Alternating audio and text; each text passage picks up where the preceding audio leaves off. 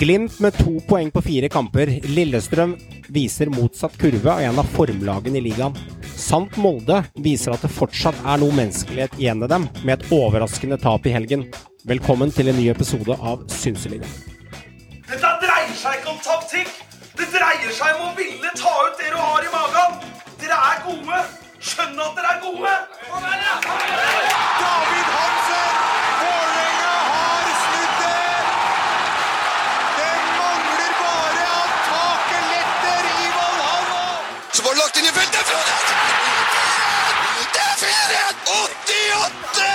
88-55 på tavla! Frode Johnsen har skåra tre!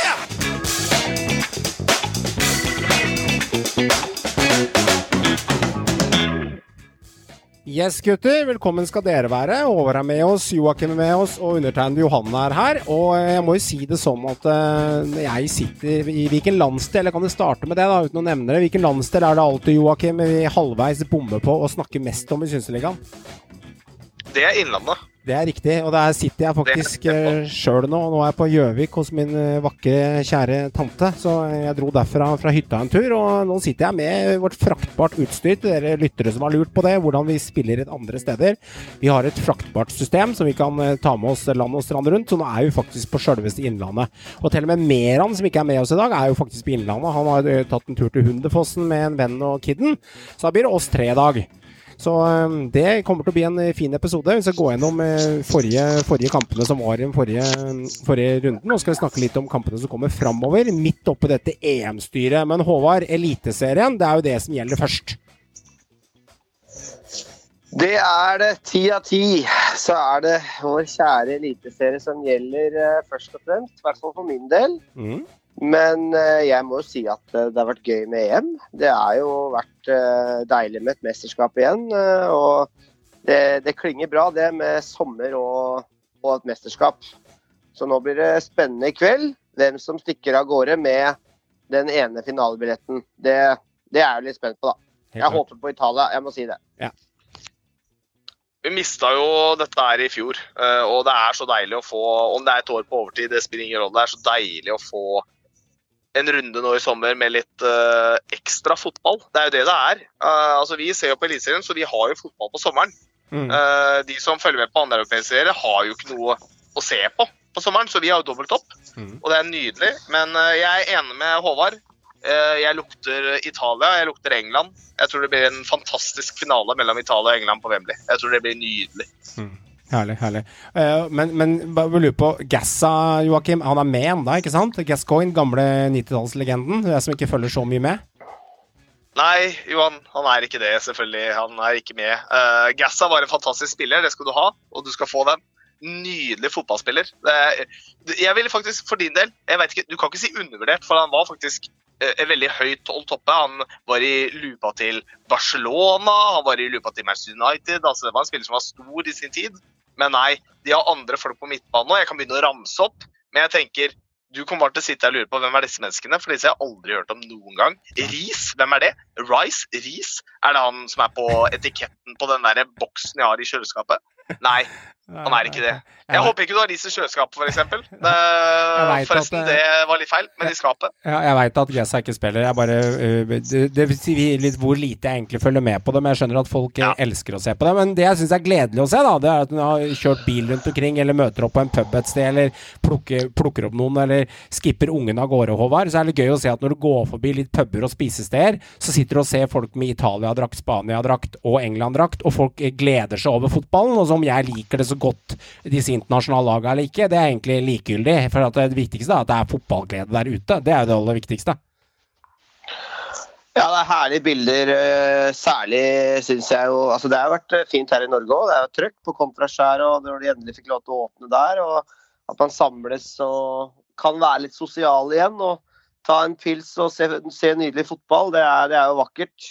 Mm. Og særlig når det er så nydelig vær som det er nå, så syns jeg det er, jo, det er jo ekstra gøy å se de scenene når Danmark har gått videre, sånn syns jeg da, med tanke på det mesterskapet de har hatt, som starter da med hjertestopp på Eriksen og tap mot Finland, og nå vips så er du i, er du i semifinalen. Så det er ganske sprøtt eh, hvordan fotballen kan snu, og det unner jeg Danmark. Og jeg må innrømme at jeg håper jo på dansk finale, men det kan nok bli vel tøft ja, mot Kane og Stirling og co. der. Vi får se. I 2020-2021, disse corona times, så veit vi aldri om det kanskje kan endre seg der også. Det er fort eh, fare for det. At det kan skje noe spennende på slutten med finalelaga. Jeg håper jo selvfølgelig på det samme selv. altså Ingenting hadde vært eh, Eller det vil si, jeg er jo litt uh, anglofil av meg, så jeg er jo veldig glad i engelsk fotball. Og jeg unner jo engelskmennene faktisk den muligheten de har nå. Det beste laget de har hatt noensinne.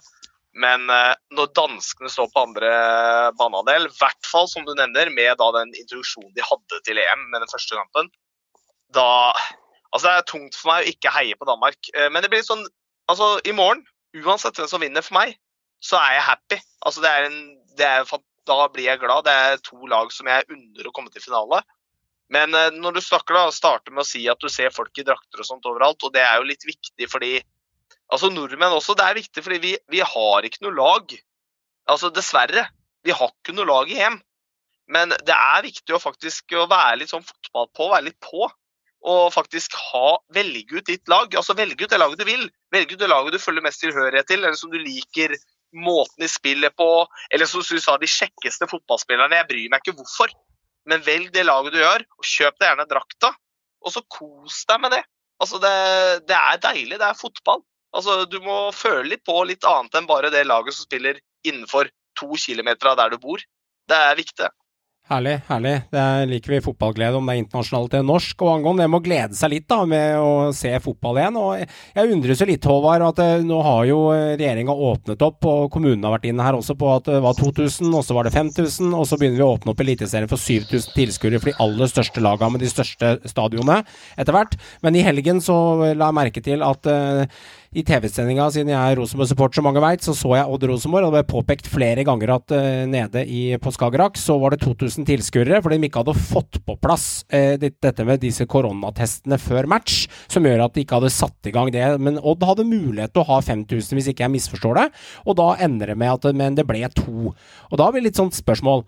Er det fordi de eh, er, sover i timen og ikke har, system på det, eller igangsatt mennesker til å ordne dette her, eller er det for mye styr å ordne det? Altså, sånn, Vi har begynt å skrike om at det skal få folk på stadion, men når vi endelig har mulighet, så fyller vi ikke opp. Ja, du kan jo begynne å lure litt. Uh, Einar Håndlykken og Odd har vel vært en av de som har fronta sterkest det med å få altså faktisk Håndlykken har vært veldig synlig på det, med å få, få publikum tilbake på, på, stadion. Og vært i mange diskusjoner med Abid Raja bl.a. Og, og virkelig fronta det hvor viktigheten er å få publikum tilbake. Så det er jo litt pussig, da, hvor de har muligheten til å få 5000, at de på en måte ikke jobber hardt for det. Eller de har sikkert jobba hardt, men at de ikke har fått det på plass, det som trengs. da. Men det skal jo sies at for en vanlig mann i gata, som kanskje ikke er sånn eh, hva skal jeg si, ja, blodinteressert i norsk fotball, så er det litt styr og stress med å komme seg på kamp. Med tanke på hvis du ikke har det koronapasset tilgjengelig, eller hva det måtte være, så må du liksom ned og ta test, og du må styre årene. Det er ikke som å dra på butikken, liksom. Det er ikke som å dra og se en kamp foran skjermen hjemme. Det er litt styrete. Så, eh, så jeg skjønner jo kanskje litt på folk at de vegrer seg litt med å dra på kamp òg, hvis du ikke har eh, fått koronapass eller det du, det du trenger. da. Så ja, Man kan jo kanskje forstå det, men klubba i hvert fall. For å få publikum tilbake, så må i hvert fall klubba legge seg i selene her nå og få det de trenger på plass for å kunne få så mange som mulig på kamp. Det må vi kunne forvente. Men jeg tror eh, altså mye av dealen her er nok litt det du er inne på. da, Det har litt med Klubbene må jo ta en avveining. Eh, og poenget er ikke sant, Når du har 2000 mennesker, altså tenker jeg liksom nå skal ikke jeg være veldig forutinntatt om uh, hvor mange ekstremt fotballinteresserte mennesker det er uh, i Skiensdraktene, men en typisk norsk fotballklubb har jo ikke nødvendigvis mer enn si 2000-1500 mennesker som er skikkelig ihuga fans. Altså Resten blir på en måte fylt opp etter hvert. Det er familier, det er liksom en del ekstra ting. Så du må nok ta avveiningen. da, en, klubb som Odd må nok ta den avveiningen. Skal vi bruke de ressursene det som krever, For det kreves en del for å få dette på plass. da. Skal vi bruke alt det som kreves nå, eller skal vi faktisk bare ta, ja, ta 2000 nå, og så venter vi lite grann. Eh, og så ser vi an når det mykes opp litt, og kanskje liksom, vi kan slippe inn flere uten alle de tiltakene. Så jeg er ikke helt borti natta på hvorfor de har gjort det, men eh, ja, man skulle tro, jeg er enig, man skulle tro at man ønsker å få mest mulig folk inn kjappest mulig. Men jeg kan se poenget, da. Ja, Vi kan jo bare gå gjennom litt kjapt der. da. Jeg var inne på noen par sider, og det er liksom tre ting som går igjen. Du må ha fått din første vaksine for minimum tre uker siden, eller være fullvaksinert. Punkt to, du har vært smitta av covid-19 i løpet av de siste seks månedene. Eller punkt tre, du kan fremvise negativ test satt i løpet av de siste 24 timene. Og så er det fjerde punktet, og det er at klubbene selv har satt opp teststasjoner eh, som foreligger ofte en dag eller to før matchstart, og noen deler med på kampdag. Det er opp til klubbene selv. Og det er det siste punktet der som ofte brister, da, at ikke man har gjort, eh, gjort de tilretteleggelsene i forkant som gjør at kanskje folk syns det er litt tiltak da, å dra på match, og det føles kanskje vanskelig å dra på match enn det faktisk er. For hvis jeg har vært smitta av covid, så har jeg det typisk typiske passet inne i Helse-Norge der det står at eh, Johan, du har vært smitta og du har en viss dato, du går, går freepass på sånne type ting. For da kommer det et spørsmål, Håvard. Ja, jeg skjønner at eh, eh, som Joakim har et poeng, men om du er Odd Nordstuga eller Metallica, for å bruke to ytterpunkter her, og, og, skal sette opp en konsert eller arrangement, eller om du er Rosenborg eller Odd Grenland, eh, eller Odds fotballklubb, det er de som arrangerer, det er jo de som har ansvar for å få folk på kamp og friste med produktet. Så jeg legger det på litt sånn sløvhetkonto til de klubbene som ikke har klart å fylle opp når man først har skriket så mye i forkant. Man skriker om lørdagsgodt, Håvard, men når lørdagen dukker opp, så er man ikke så ivrig allikevel. Ja, det vil jo sette det veldig på spissen, da. Det, det, gjør jo det. Det er jo også i sterk konkurranse eh, nå om dagen med den nydelige sommersola vi har. Eh, skjenkebevillingene er, er åpen. Folk har muligheten til å dra Fotball-EM, ikke minst. ikke sant? Du, du, har muligheten til å ta en tur på byen igjen. Altså det, og sol og sommer og ferieturer. ikke sant? Det, det, er mye som skjer i landet vårt nå. Det er, det er ikke kun fotball som åpnes. Nei. Selv om det, det er eh, veldig veldig viktig, så er det det store og det hele. Og, og vi veit jo det, det syns vi er litt trist. Men i den allmenne norske innbygger så, så er vel kanskje norsk fotball ikke høyest på lista, det må være lov å si. Eh, skulle ønske at engasjementet var større rundt i norske byer. Altså, selvfølgelig, det, det, kommer folk på kamp, men jeg tror at dette her er et styr og stell for en del folk. Og at det også klubbene muligens også ser litt på den, kanskje den risikoen da, med, med, med å liksom gønne på med det her. Men eh, du har jo selvfølgelig eh, motsatt eh, eksempler. Du har jo nå Vålerenga, hørte jeg. Eh, de eh, lokaloppgjør, Derby nå mot Lillestrøm, der blir det veldig trolig da fullt hus med 7000. Og det blir jo ordentlig Derby-stemning. Det blir jo deilig å se, da. Mm. Ja, og det er mye av det som ligger i, da, som Håvard er inne på nå. Det er hele poenget. Altså, jeg tror jeg tror klubbene tar dette litt altså Man tar det litt sånn steg for steg nå. Og jeg tror ikke det er dumt, jeg tror ikke det er ufornuftig å gjøre det. Det er litt sånn for å ta og føle på stemninga lite grann. Eh, altså Poenget til Odd, da. Ja, ja, vi klarte å pakke inn 2000 mot Rosenborg hvis de gjorde det, da. Ja ja, 2000 på Rosenborg. Mm. Så gikk jeg hjem. Ja, til neste kamp, kanskje greit. Da prøver vi å uppe litt. Og så tar man det litt rolig inn, fordi ja, det er sommer, det er sol, det er EM.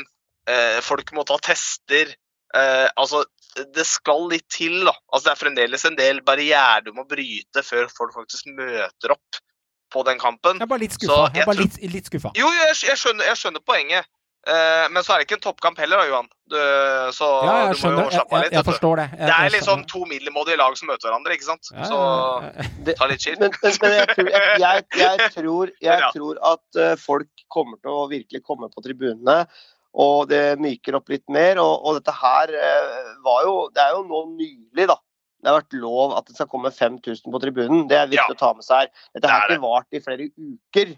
Ikke sant? Så noen av, klubbene, noen av klubbene har safa på 2000. For alle, det er viktig å få med seg, alle klubber, uansett størrelse nesten, kan ha ja, Uansett størrelse så er 2000 det laveste tallet. De som da har eh, Det er 50% da, av kapasiteten på stadion. Ja, Det er, og, hvis du, og hvis du ikke har 4000 eh, tilgjengelig, Ja. så er det uansett 2000, hvis du skjønner. Da, 50. Så, så 2000 er, er, er den laveste. Men sånn som Lerkendal, Brann stadion, Intility og eh, SR Bank Arena i Stavanger, det er de stadionene som kan ta 7000, for de har da over 10. Mm. Så det er da, der er det lov. Jeg var jo undres litt, gutter, eh, den fotballkampen jeg så da, mellom uh, Odd og Rosenborg. Og vi ser jo problemet dette RBK-laget som har snakka om i eh, huet og ræva x antall ganger. Eh, og det var jo spørsmål etter matchen der, og det var møtevirksomhet på, eh, på brakka tidligere i uka. Og jeg vet ikke om du fikk med deg de kommentarene han godeste Koteng klarte å lire av seg. Han er jo en sitatmaskin uten like når han skulle intervjues av han reporteren fra Drammen der. Jeg husker ikke helt navnet på hva heter han igjen, Håvard? Sondre Skansen. Det som er fun fact, fun fact nå Ja. Sondre Skansen han er eh, jo da Eurosport-reporter og er en del på skjermen og intervjuer eh, en del. Ja. Dem eh, møtte Lier IL i går. Meg og Meran sitt lag. Hvem var det som vant? Det var Lier IL det 3-2. Lokaloppgjør. Sondre Skansen han gikk betutta av banen etter kampen og var en slagen mann i dette lokaloppgjøret i, i, i, i, i treningskamp eh, mellom to sjuendedivisjonslag. Så det var en deilig seier. Måtte bare skyte inn det. Du fikk lov å bruke 23 sekunder på å skyte inn det. Eh, 23,5 sekunder tok det. Det er helt greit. Det er fair, det. det, er fair, det. Og er for, fair, det. og, og, for en, Ja. og for en uke siden så sto han i intervjuet av Koteng. Så kan du høre på sitatmaskinen Koteng, da. Uh, du ser jeg er glad i mat. Vi, vi, spiste, vi spiste ikke akkurat salat til denne lunsjen. Det var det ene Koteng sa. Uh, vi, vi er vant til å vinne. Vi er ikke som Strømsgodset, vet du. Klarte han å lire av seg. Det er passe sleivete kommentar. Og så klarte han å si at dette skal vi løse, og det skal jeg love dere. Og 20.9 er seneste svar du får. Og så gikk det én dag, og så kom det et svar fra Hareide. Han klarer jo å lire av seg det ene uttrykket etter det andre. Hva tenker du, tenker du Joakim, å sende, sende et stikk til gods i den situasjonen Rosenborg er i? Hvis du er strengt talt eh, Vi ser det med falkeblikk, da, så er det ikke akkurat godset som har underprestert. Det er jo Rosenborg som underpresterer i forhold til stall og virksomhet og økonomi, for å si det sånn. Så Koteng, han, han kaster jo stein i egen sko her, da. Det må jo være ene og alene fordi personen har sagt med meg fra Drammen, da, så bare Det var nok det. Var det en sånn artig form for humor, tror jeg han prøvde Ja, det er jo ikke artig humor. altså det er veldig, jeg, jeg, så jeg er enig. altså, altså nå skal jeg ikke si noe til, Men Godset har jo hatt en helt OK start på sesongen. Ja, ja. altså, så, så, Sånn er det bare. Vi, vi, er, vi er virkelighetsrealister. Noen av, oss, noen av oss er ikke det. Jeg har sett det på de forumene. Et par av folk der er ikke de Ja, men det er i alle forumer. I alle forumer så er det Ja, noen eh, Men de fleste, de fleste skjønner hvor godset ligger nå. Og vi er egentlig helt OK fornøyd. Poenget var, jo, poenget var jo Koteng her, da. Jeg syns jo det er litt sjarm med det Koteng holder på med, for han er jo en sterk stemme.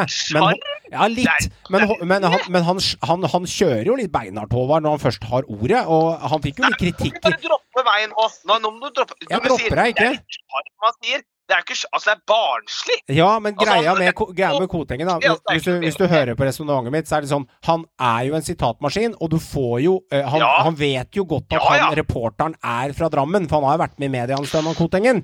Men når han fikk beskjed om å være litt mer stille fra Rosenborg-styret i fjor, Håvard, men så klarer han i det første intervjuet i 2021 å lire av seg sånne kommentarer Det er rart at ikke det har blitt fyrt mer oppunder, syns jeg. For jeg, jeg syns Godset fikk unngjelde litt, da, litt ufortjent.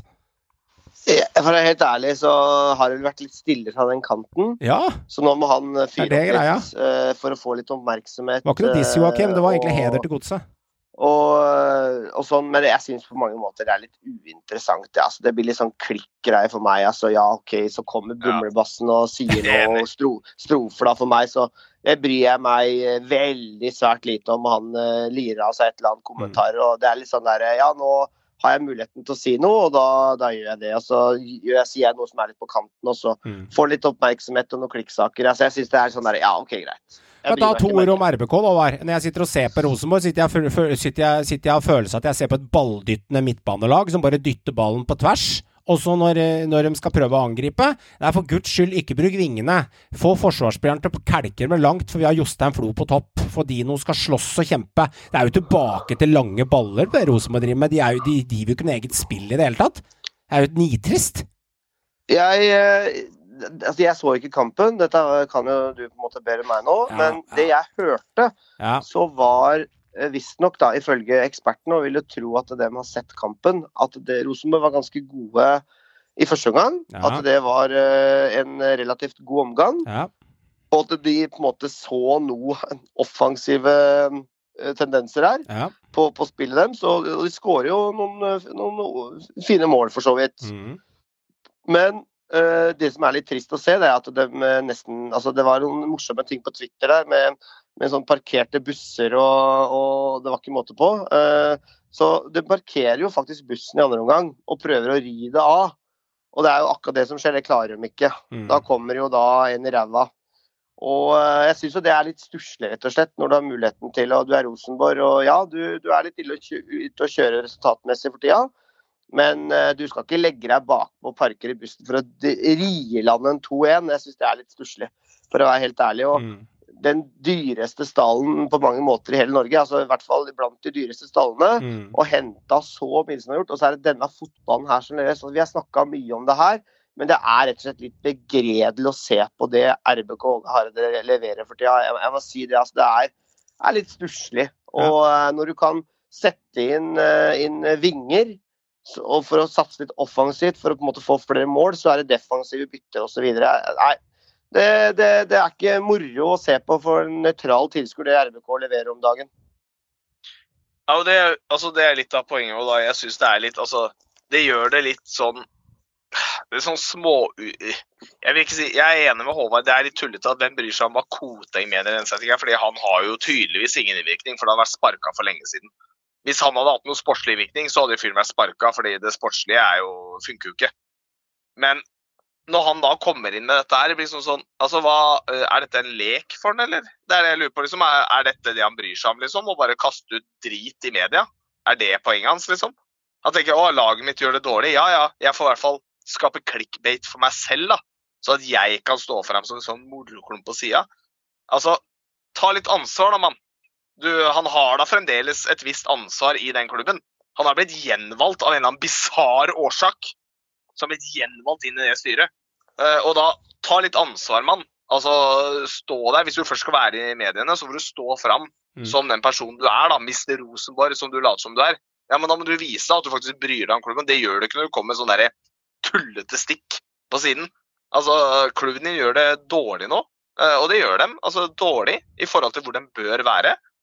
Eh, Da får du vise deg at du faktisk bryr deg om klubben, og at du faktisk må stille deg bak det og prøve å finne ut hva som er gærent, istedenfor å komme med sånt. Det er min mening der, da. Fair. Jeg syns, vi bruker egentlig altfor lang tid på å snakke om han Kotem. For for meg så er det uvesentlig Mm. hva han sier og mener. Uh, Jeg var videre. Jeg bare Eh, Joakim hadde noe på hjertet, så jeg tenkte han skulle si men, det. det, men det som jeg syns er uh, mer, mer interessant, det er hva som skjer med, med Hareide.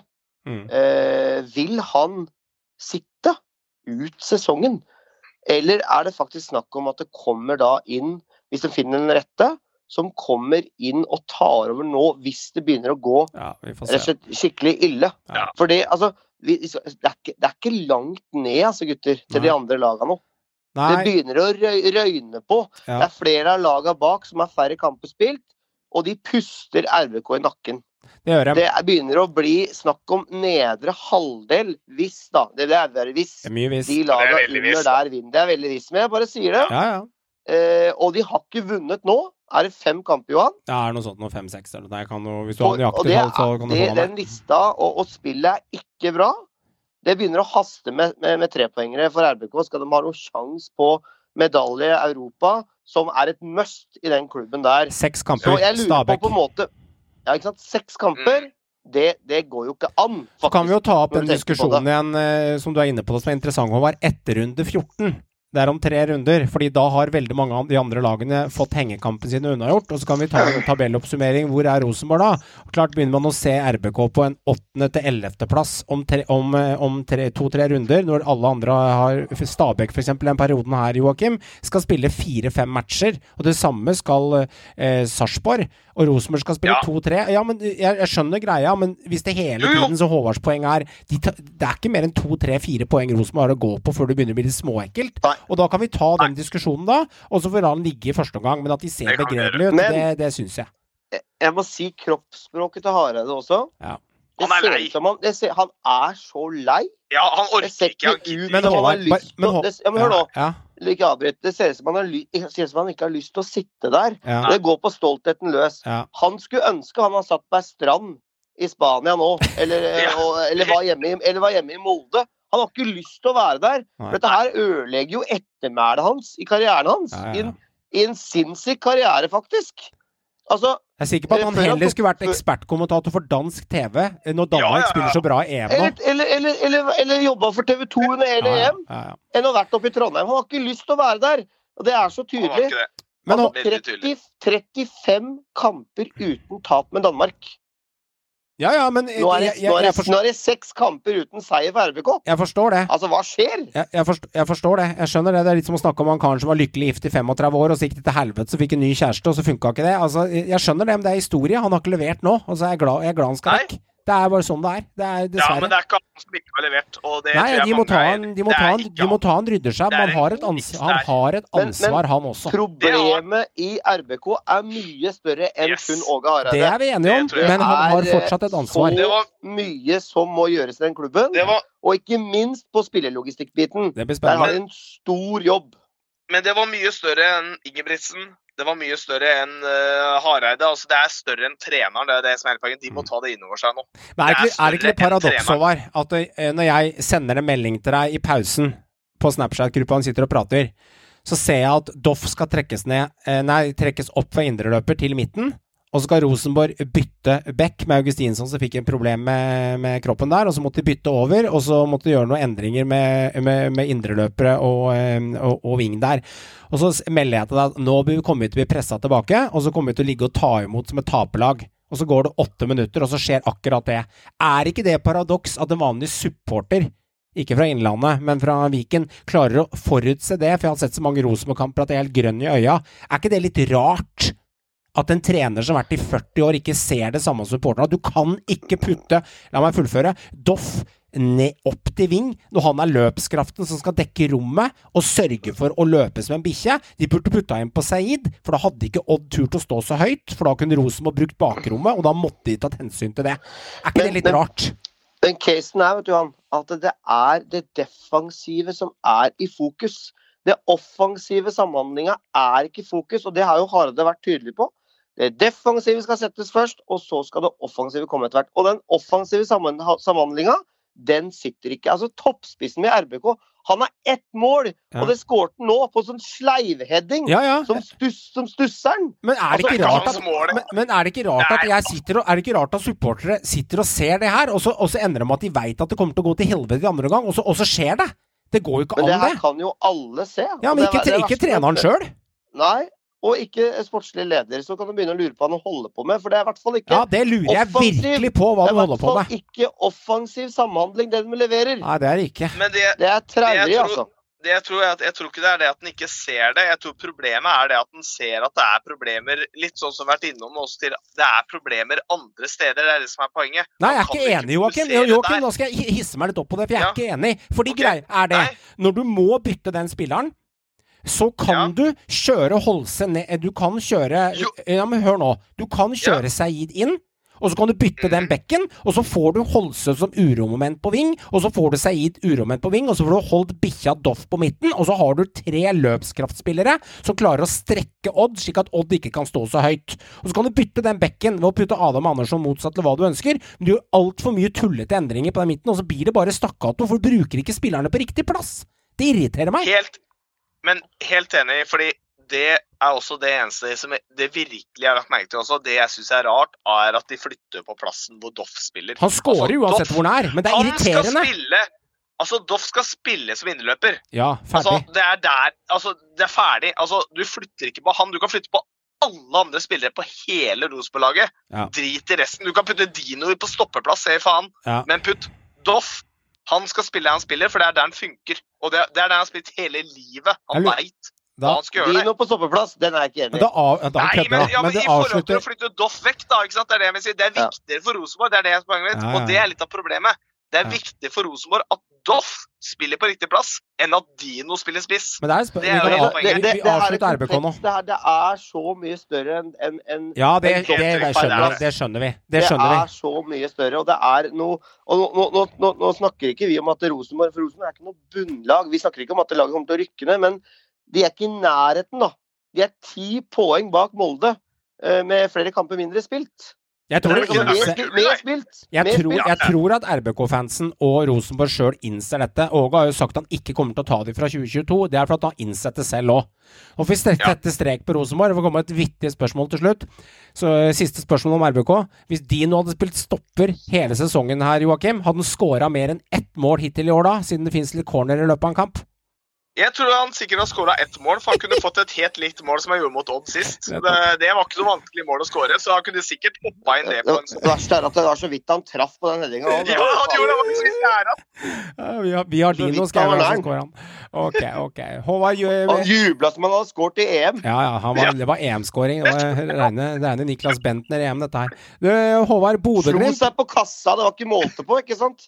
Bodø-Glimt eh, begynner å vise litt menneskelighet. Altså Nå har de to poeng eh, på eh, de siste fire kampene. Vant, en, vant en kamp på fem kamper siden, men klart, når du har to poeng av de siste tolv som er mulig å hente inn der, Håvard, så er liksom ja, Sandefjord, altså de tukter da. De fortsetter å snakke til dem laga Altså, grunnspillet til Sandefjord er sterkt. De, de tok Glimt i den kampen, men det er noe med, nå med Bodø-Glimt som begynner å eh, Altså, det begynner å vakle lite grann, syns jeg.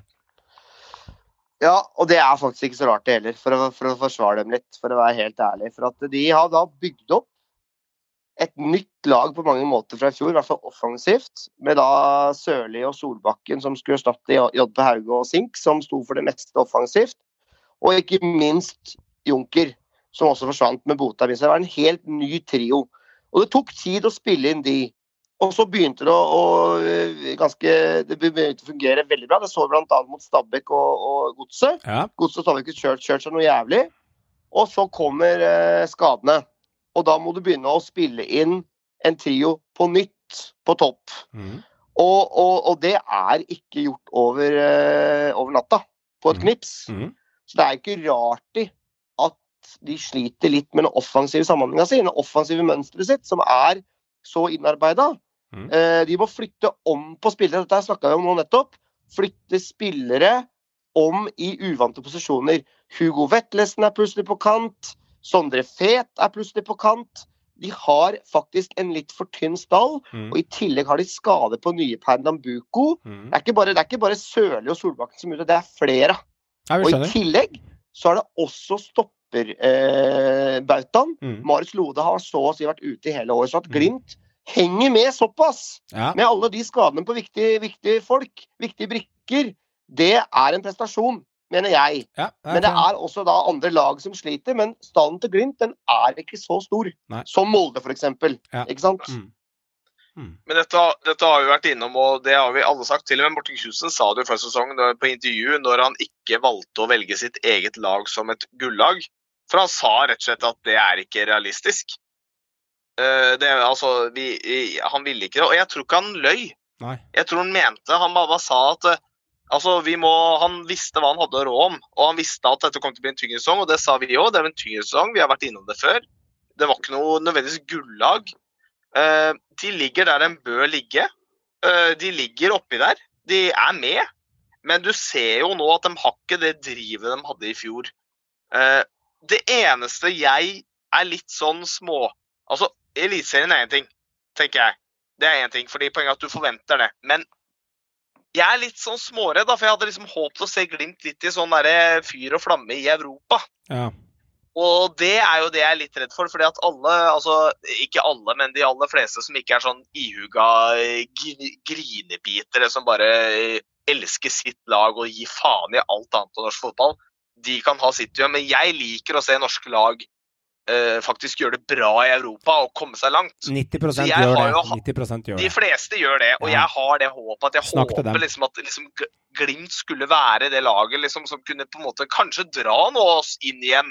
Ja. Jeg hadde lite håp om å dra oss inn i sele igjen, da. Dra oss inn i en liksom god Få litt ordentlig europafotball.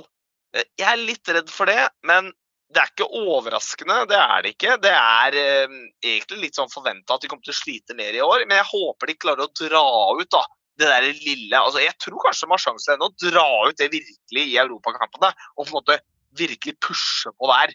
Ja. Og levere ordentlig. For de har gjort det glimtvis. Mot Godset så var det ordentlig Glimt-fotball. De spilte bra mot Godset. Det var ikke at Godset var søppel.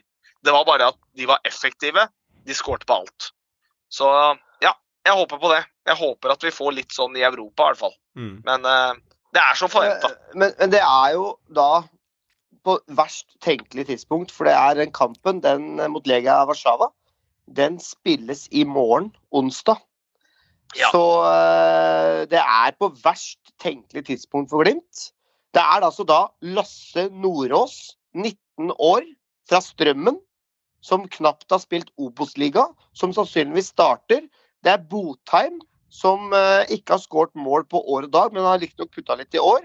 Og så blir det sikkert da Hugo Vetlesen eller noe sånt. Det er trioen framme som skal stå for måla, eh, trolig, for, for Glimt. Og da møter Legia Warszawa Polens desidert beste lag. Så at eh, Glimt skal klare det her nå, med de skadene de har på sentrale spillere, det tviler jeg faktisk på nå. For det Legia Warszawa-laget det er ikke noe møkkalag. Mm. Det er et lag som stadig vekk er i europeiske gruppespill. Så Glimt må virkelig overgå seg selv nå, tror jeg, foran de Ja. to det dobbeltoppgjøret her, for å gå videre nå. Nå gjelder ikke bortemålsregelen lenger, det er viktig å få med seg, gutter. Den er fjerna, faktisk. Ja, kult. Så nå er det liksom sammenlagt. Uh, Det beste laget vinner jo til slutt uansett, da. å- Ja, at. Glimt kommer til å gjøre en god figur, god figur, det tror jeg, for de har grunnspillet sitt. Men det har vært et ekstremt tøft kampprogram, og de skadene de har fått nå, er meget ubeleilig. Jeg tror de må Mm. gønne på å satse på Conference League isteden, altså. Uten noe lang, eh, uten noe lang avhandling, så, uten noe lang avhandling, litt eh, ja eller nei, fem sekunders svar. Kan Bodø-Glimt ende utenfor, utenfor topp tre, Joakim? Eh, ja, det kan de. Hva tror du, Håvard? Ja, ja. Jeg tror de ender topp tre, for jeg tror at de er veldig klare Ja. når vinduet åpner 1.8 på å faktisk forsterke seg.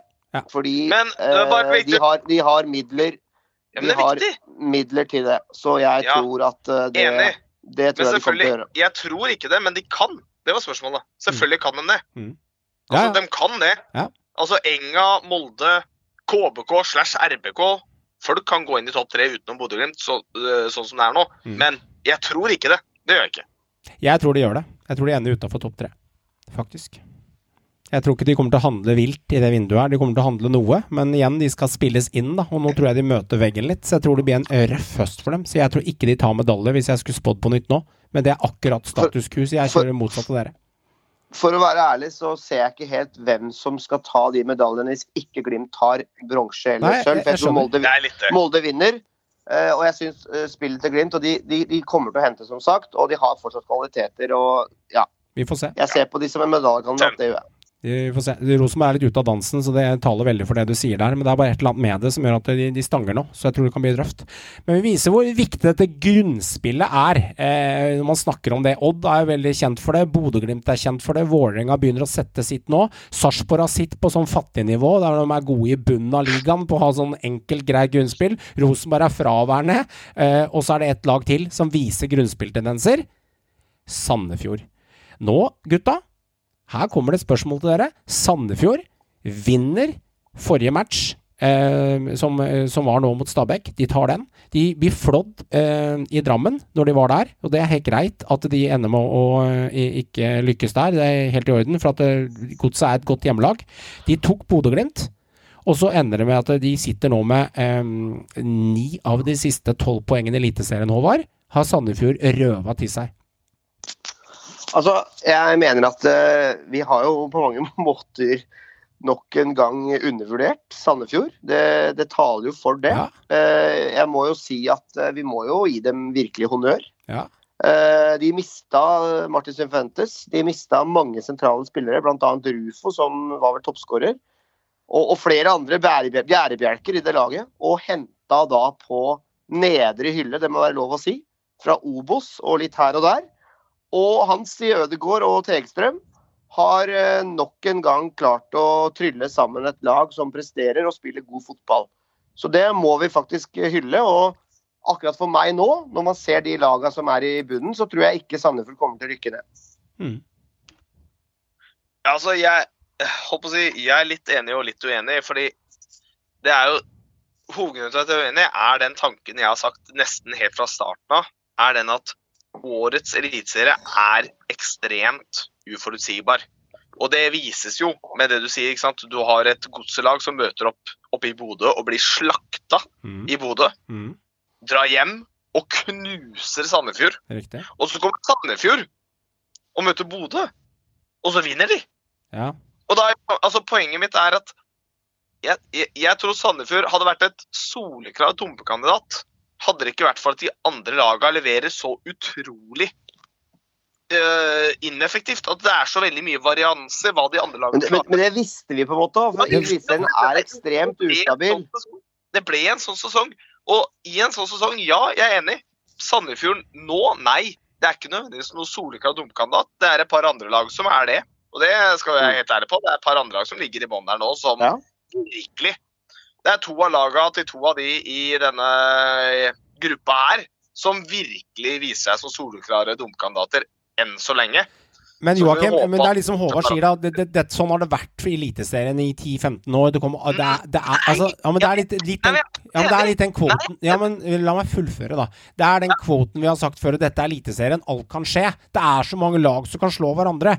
Hvis jeg sier til deg Viking, Kristiansund, Haugesund, eh, Godset hjemme er et mareritt å møte på Marienlyst. De er ikke så gode borte. Brann kan du plutselig dunke RBK på Lerkendal, så ryker en 4-1 mot Haugesund. Lillestrøm ja, Det er mange ekle, vanskelige lag å ta. Det er, det er som Håvard sa, det er ingen lette matcher i Eliteserien. Det er ikke bare å møte opp noe sted. Og hvis du har det grunnspillet Sandefjord har, så er det sånn Ja, de er ikke et topplag, men de vet veldig godt, eh, litt sånn ledelsesbasert, hvor er du? Hvor skal du, og hvordan skal du komme deg dit? De, er, de går ikke rundt med noen sånne Floksel og høye lønninger og Rolex-klokke, et stikk til Oslo der, men de vet hvor de er hen på kartet, og de jobber ræva av seg i de matchene. Det er ikke noe tilfeldighet at de har 9 av 12 poeng, jeg, og du er nok, jeg skjønner at du er enig også, men de interessante er liksom Det, er jævlig jevnt, da! Og det er sterkt gjort, det Ja. Sandefjord gjør. Det er Jeg, sterkt gjort. jeg, er- jeg er enig, og du skal ikke ta fra det de gjør. Men det, det er ikke det som er poenget. For jeg mener at ja, det har vært sånn før, og det er det. Men noen ting før i Eliteserien har vært en liten sånn eh, hankepunkt. Eh, per nå så er det bare to ting i Eliteserien som er et hankepunkt, som er sånn du veit du gjør. Det er Molde vinner og. Brann taper. Ja.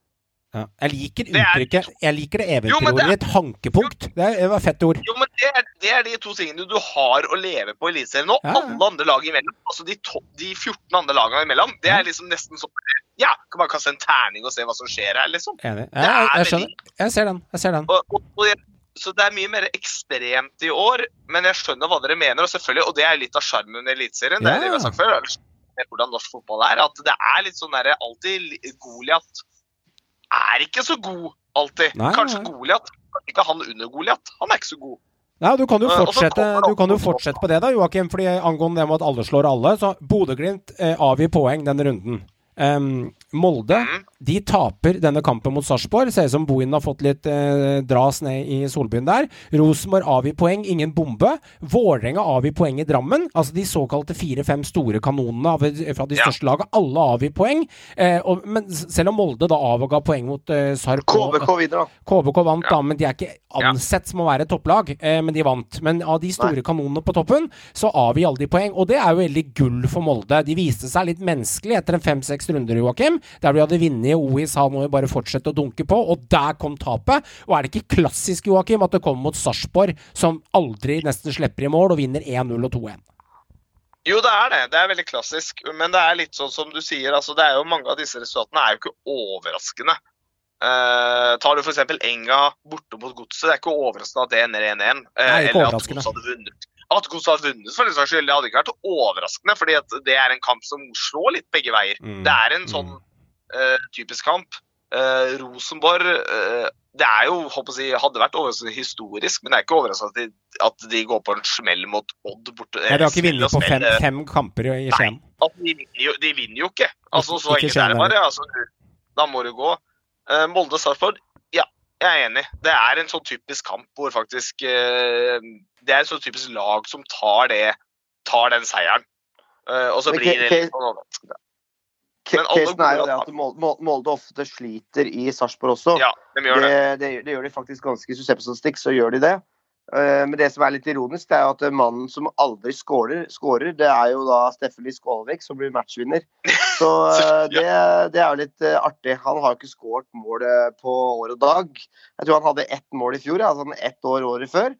Så Er ikke han elska Er ikke han elska Bergen uh, jo, jo, jo, det er jo selvfølgelig mange, mange Brann-fans som vil ha Steffen Lie Skålvik tilbake. For de følger jo sannsynligvis ikke med på, på resten av norsk fotball. Det er kun, husker kun hvem som har gjort det bra de siste ti Ja, ja. åra. Så ja, det er det eneste stedet Steffen har skåret mål, det. I Eliteserien, eh, vel å merke. Så der var det vel ni-ti mål han endte med der. Men uh, nei, jeg tror ikke vi skal Det er ikke han som skal redde oss i, i høst, tror jeg. Jeg tror Nei. vi må sette oss på noen andre hester. Hei, du hører på Synseligaen av fans for fans. Mitt navn er Yao Mankwa, midtstopper i Stabæk. Og hvis du lurer på hva som foregår i klubbene, tabbene, målene, og ikke minst har lyst til å høre fra profilene i Eliteserien, så er dette podkasten for deg. Yes, gutter. Kort fantasyprat. Um, ja, ja, ja. Det er jo en gang sånn da at den uh, utskjelte uh, sønnen av en programleder, Johan, leder enda. Jeg bare nevner det igjen. Leder enda. Blitt dissa i tre runder av dere. Men nå, Håvard, nå begynner avstanden å bli en 60-70 poeng, og du har akkurat nå, Sagmoen, inntatt sisteplass av oss gutta. Din kommentar til dette?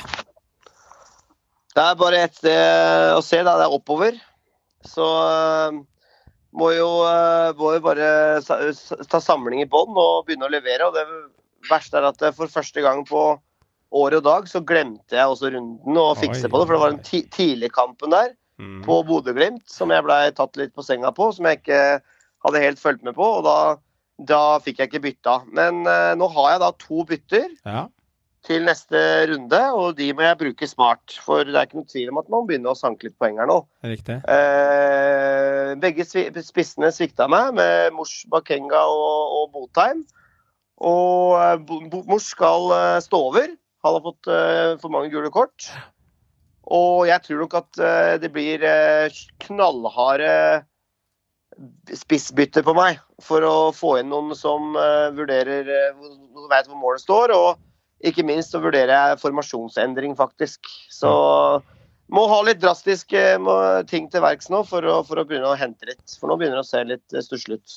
Og gjør du da eh, Hva er viktig for deg? Krype jevnt eh, og tenke at det er en lang sesong. Du er Brann og ligger langt bak her nå, akkurat som laget ditt, og skal plukke en uavgjort og en seier i ny og ne, siden jeg har en 60-70 poeng på deg, for det er litt intern kamp mellom oss i Synseligaen. Eller skal du gjøre noen skikkelig hestekurer og ta noen råsjanser og kline til med noen spillere som vi sannsynligvis ikke kommer til å ta inn for å ta noen gafs, men det kan jo også straffe seg. Din tanke rundt det?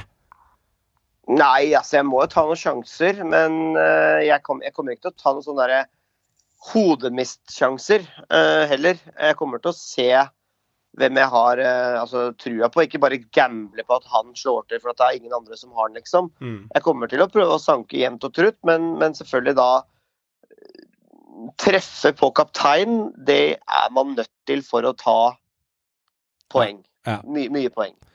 Og Joakim. Joakim, du røyker forbi Håvard med litt poeng her. Du har fortsatt et stykke bak eh, meg her, selvfølgelig. Jeg ser jo at du er et stykke bak, for å nevne det igjen. Det er viktig å få nevnt. Også, men du gjorde endelig 64 poeng, eh, så du tok jo en 20 poeng på meg og en 30 poeng på Håvard. Eh, og det gjør at du ikke er i sisteplassen av oss. Og du har gjort det litt eh, småfrekke grepet, er å klinke inn eh, Innlandets store sønn, eh, Lene Olsen. Ja, altså, jeg valgte jo riktig kaptein. Og det er jo kanskje nesten første gang i hele fancy hittil i år, tror jeg, at jeg har Ja. riktig. Ja. Eh, Men eh, nei, det var Jeg følte det var litt skrevet ut len. Jeg bare tenkte Lene Olsen, formen han er i, møter Mjøndalen. Ja.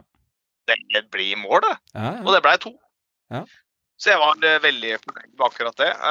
Denne runda gikk bra.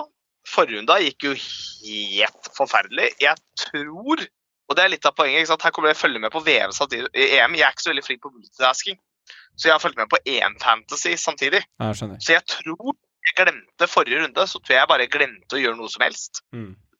Og det gikk ikke bra, for da tror jeg endte opp med sånn par og 20 poeng eller noe sånt. Om, det, om jeg kanskje bikka 30. Ja, ja, ja. Men uh, her er jeg fornøyd med. Egentlig hele laget mitt gjorde det godt. Det eneste jeg angrer på, er jo selvfølgelig at uh, før runda så sto jo Linde oppført som rød fremdeles. Ja. Fordi de kan jo ikke oppdatere det. Ja. Så jeg lot jo Myra stå, som er bare piss. Selvfølgelig skulle jeg bare bytta dem først, fordi hvis Line var skada, hadde jo Myra kommet inn likevel. Mm. Mm. Men uh, Nei, jeg er egentlig fornøyd. Uh, det var en grei runde. Jeg hadde en Liseth på benken òg, som jeg burde jo spilt. Mm. Uh, men nei, en grei runde. Jeg føler at jeg begynner å komme litt i gang igjen. Jeg har hatt en dødperiode nå.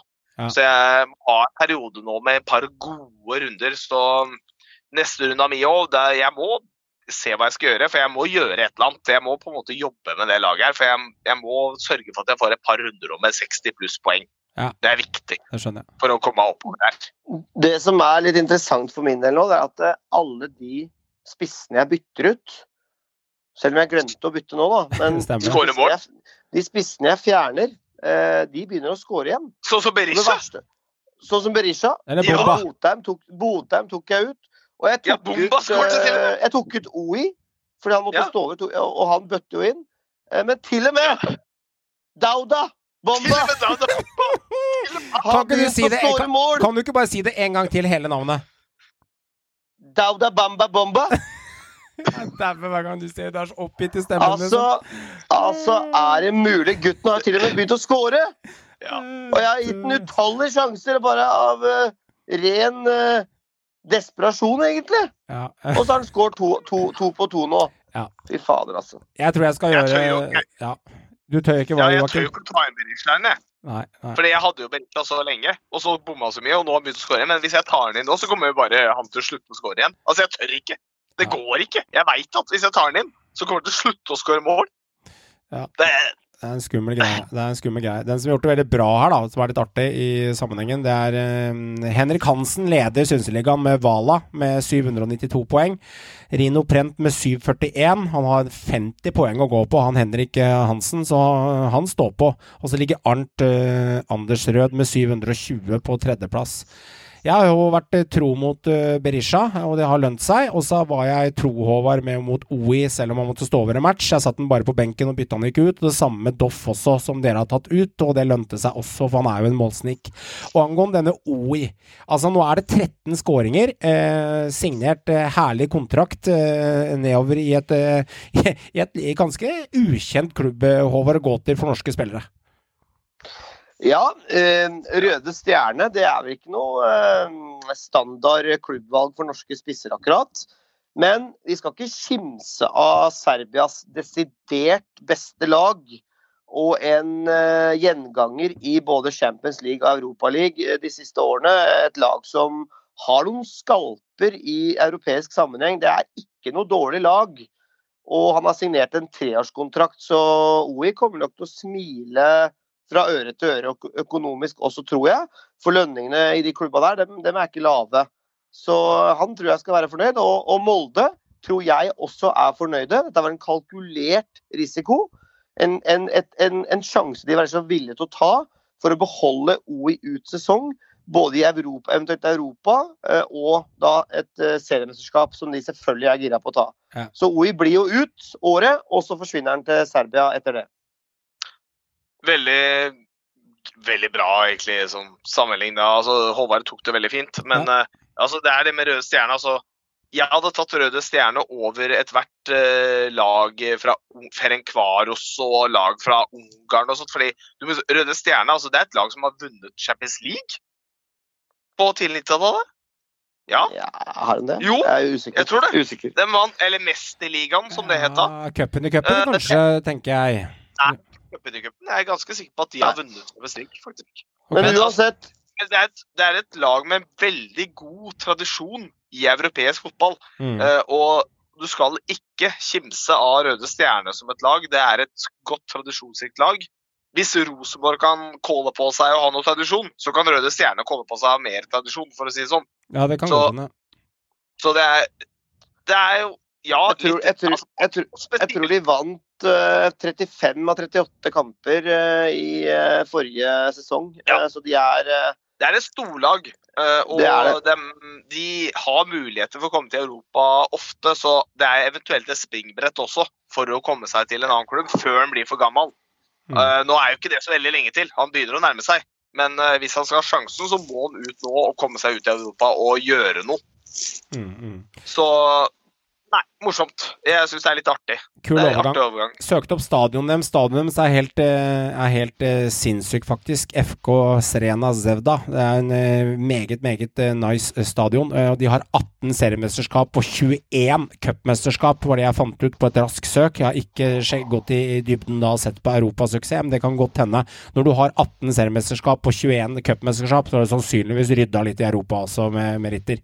Så det er ikke noe tjafselag han går til. Men han, han skal henge her, da, Håvard, for å få spilletid også. For de spillerne her de spiller ikke på 4000 om termos eh, der nede. Det er riktig, og her er det ikke noe sånn uh, hallekompis. skal du være med å bowle etter treninga, eller? Nei. Det, Det er ikke sånn stemning der. Her er det spisse albuer. Og uh, alle Altså, her står du, for, her står du aleine. Kommer du her som, uh, som eh, nordmann og ny i klubben, liksom. Det er ikke noe sånn eh, spasere inn på spissplassen i Elveren her. Her må du virkelig jobbe. Dette er ikke noe sånn jovial norsk stemning eh, som det er i serbisk fotball. Så Oi, han må steppe opp skal han klare å spille seg til fast plass på det laget der. Men, men igjen, han, han har jo gode stats nå og er i veldig form, så får håpe for hans del at den varer da, ut, ut året. For det er jo en stund til han skal dit. Mm. Mangler litt grann lyd, så hvis jeg får lyden hos deg, så er takk skal du ha. Bare for å skyte inn. Ja. Røde Stjerne vant Champions League i 90-91-sesongen. Ok, da er det mottatt. Vi ikke rydda opp i det. Så en- det er et av Champions League. Og da kødder du ikke med den, det er lenge siden. Ja, det er sant. Herlig, herlig. Det er herlig. Men eh, jeg må si nestemann ut, kanskje. Altså, Bakenga står om matchen nå, men det er noe her som lukter at han kommer til å signere for Jeg tror ikke han blir den nye spissen til Brann, og blir ikke noen ny RBK-spiss etter Dino. Og jeg tror Bodø-Glimt, hvis de trenger en spiss framover, så tror jeg også de kan se langt etter han, selv om de gjerne skulle ha hatt den som en bakgrunnsspiss, Håvard. Men eh, Bakenga, han ser til snitt til å heve sin siste feite lønning, kanskje, og den kan komme fort. Thomas Kenga hadde jo vært eh, drømmespissen for Glimt, sånn som det er akkurat nå. Ja. Men eh, det, kan, det kan de se langt etter, ja. Eh, han vil jo på enhver pris ut. Det er liksom litt sånn som Pelle nå. Det er, han er 28 år bak Kenga. Han har vært ute før. Han har vært lenge nå i, no- i norsk fotball igjen. Og han ser sitt snitt nå til å få et siste eventyr før han på mange måter blir for gammel til å, til å dra ut. Og han vil nok også eh, fylle opp pengesekken betraktelig før, før han da eh, gir seg. Og dette er jo altså en spiller som har vært ekstremt skadeplaget. Og, og ikke kanskje får seg flere sjanser. Nå har han eh, kontrakt som varer ut året.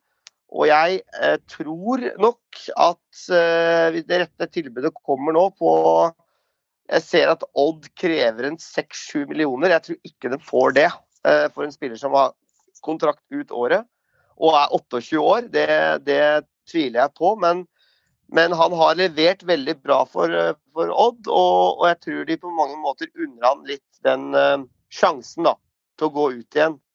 Så jeg, uh, jeg håper for Bakenga sin del. Synd han har mistet en profil, men at han får en, en, en god mulighet i utlandet. Og det tror jeg kanskje kommer til å skje nå i sommer, faktisk. Mm. Det er litt sånn tanker om en annen spiss. da, som eh, Vi viser jo til stadig vekk eh, Han, han havna på en 10, 11 og 12 mål han skåra, og fortsetter han det sporet her. Nå har Lene Olsen syv mål, eh, Håvard, i Eliteserien, og vi har spilt en ja, 11-13 kamper, spørs hvordan man ser på det.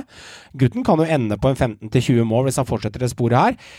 Kan det her være en erstatter for enkelte klubber i Eliteserien? Eksempelvis at Molde kanskje kan plukke den opp, eller at Bodø-Glimt kan være på den, eller at Rosenborg, hvis vi skal begynne å se på en spiller som er her hjemme, som er oppnåelig å få, da. At en av de klubbene her kan begynne å se på de, hvis man ikke har kanskje lyst til å gå utenlands.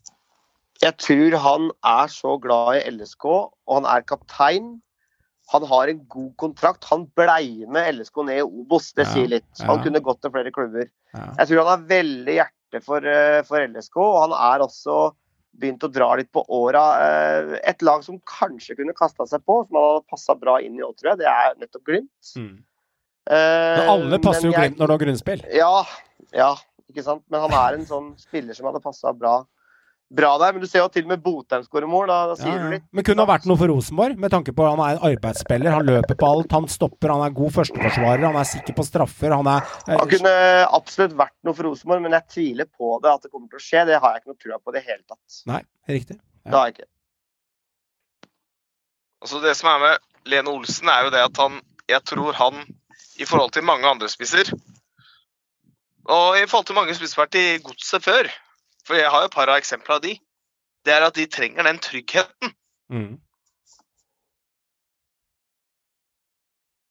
Der ble du litt borte på lyd. Skal får se om du kommer tilbake. Mangler litt på lyd, skal vi se om den kommer. Nei, For å ta det videre. eh, det. jeg har ikke noe trua på at eh, at Lene Olsen blir noen ny RBK-spiss i sommer. Jeg tror de kommer til å se på andre jaktmarkeder, for å si det på den måten. Jeg, jeg eneste spissen i Norge som jeg på en måte ser for meg kanskje kan være aktuell, det er faktisk Veton Berisha, hvis de blar opp nok. Ja, Det er riktig. Uh, det tror jeg faktisk er en potensiell spiss som kunne tenke seg å gå Det høres rart ut, siden han er jo veldig glad i Viking og Stavanger. Riktig. Men uh, han er i rett alder. Han er uh, en sånn tanksenter og sånn plugg som RBK hadde trengt, og som løper på alt. og som er, eh, Det er fælt å tenke på at vi hadde han i, i Brann, men eh, den eh, tiden er forbi.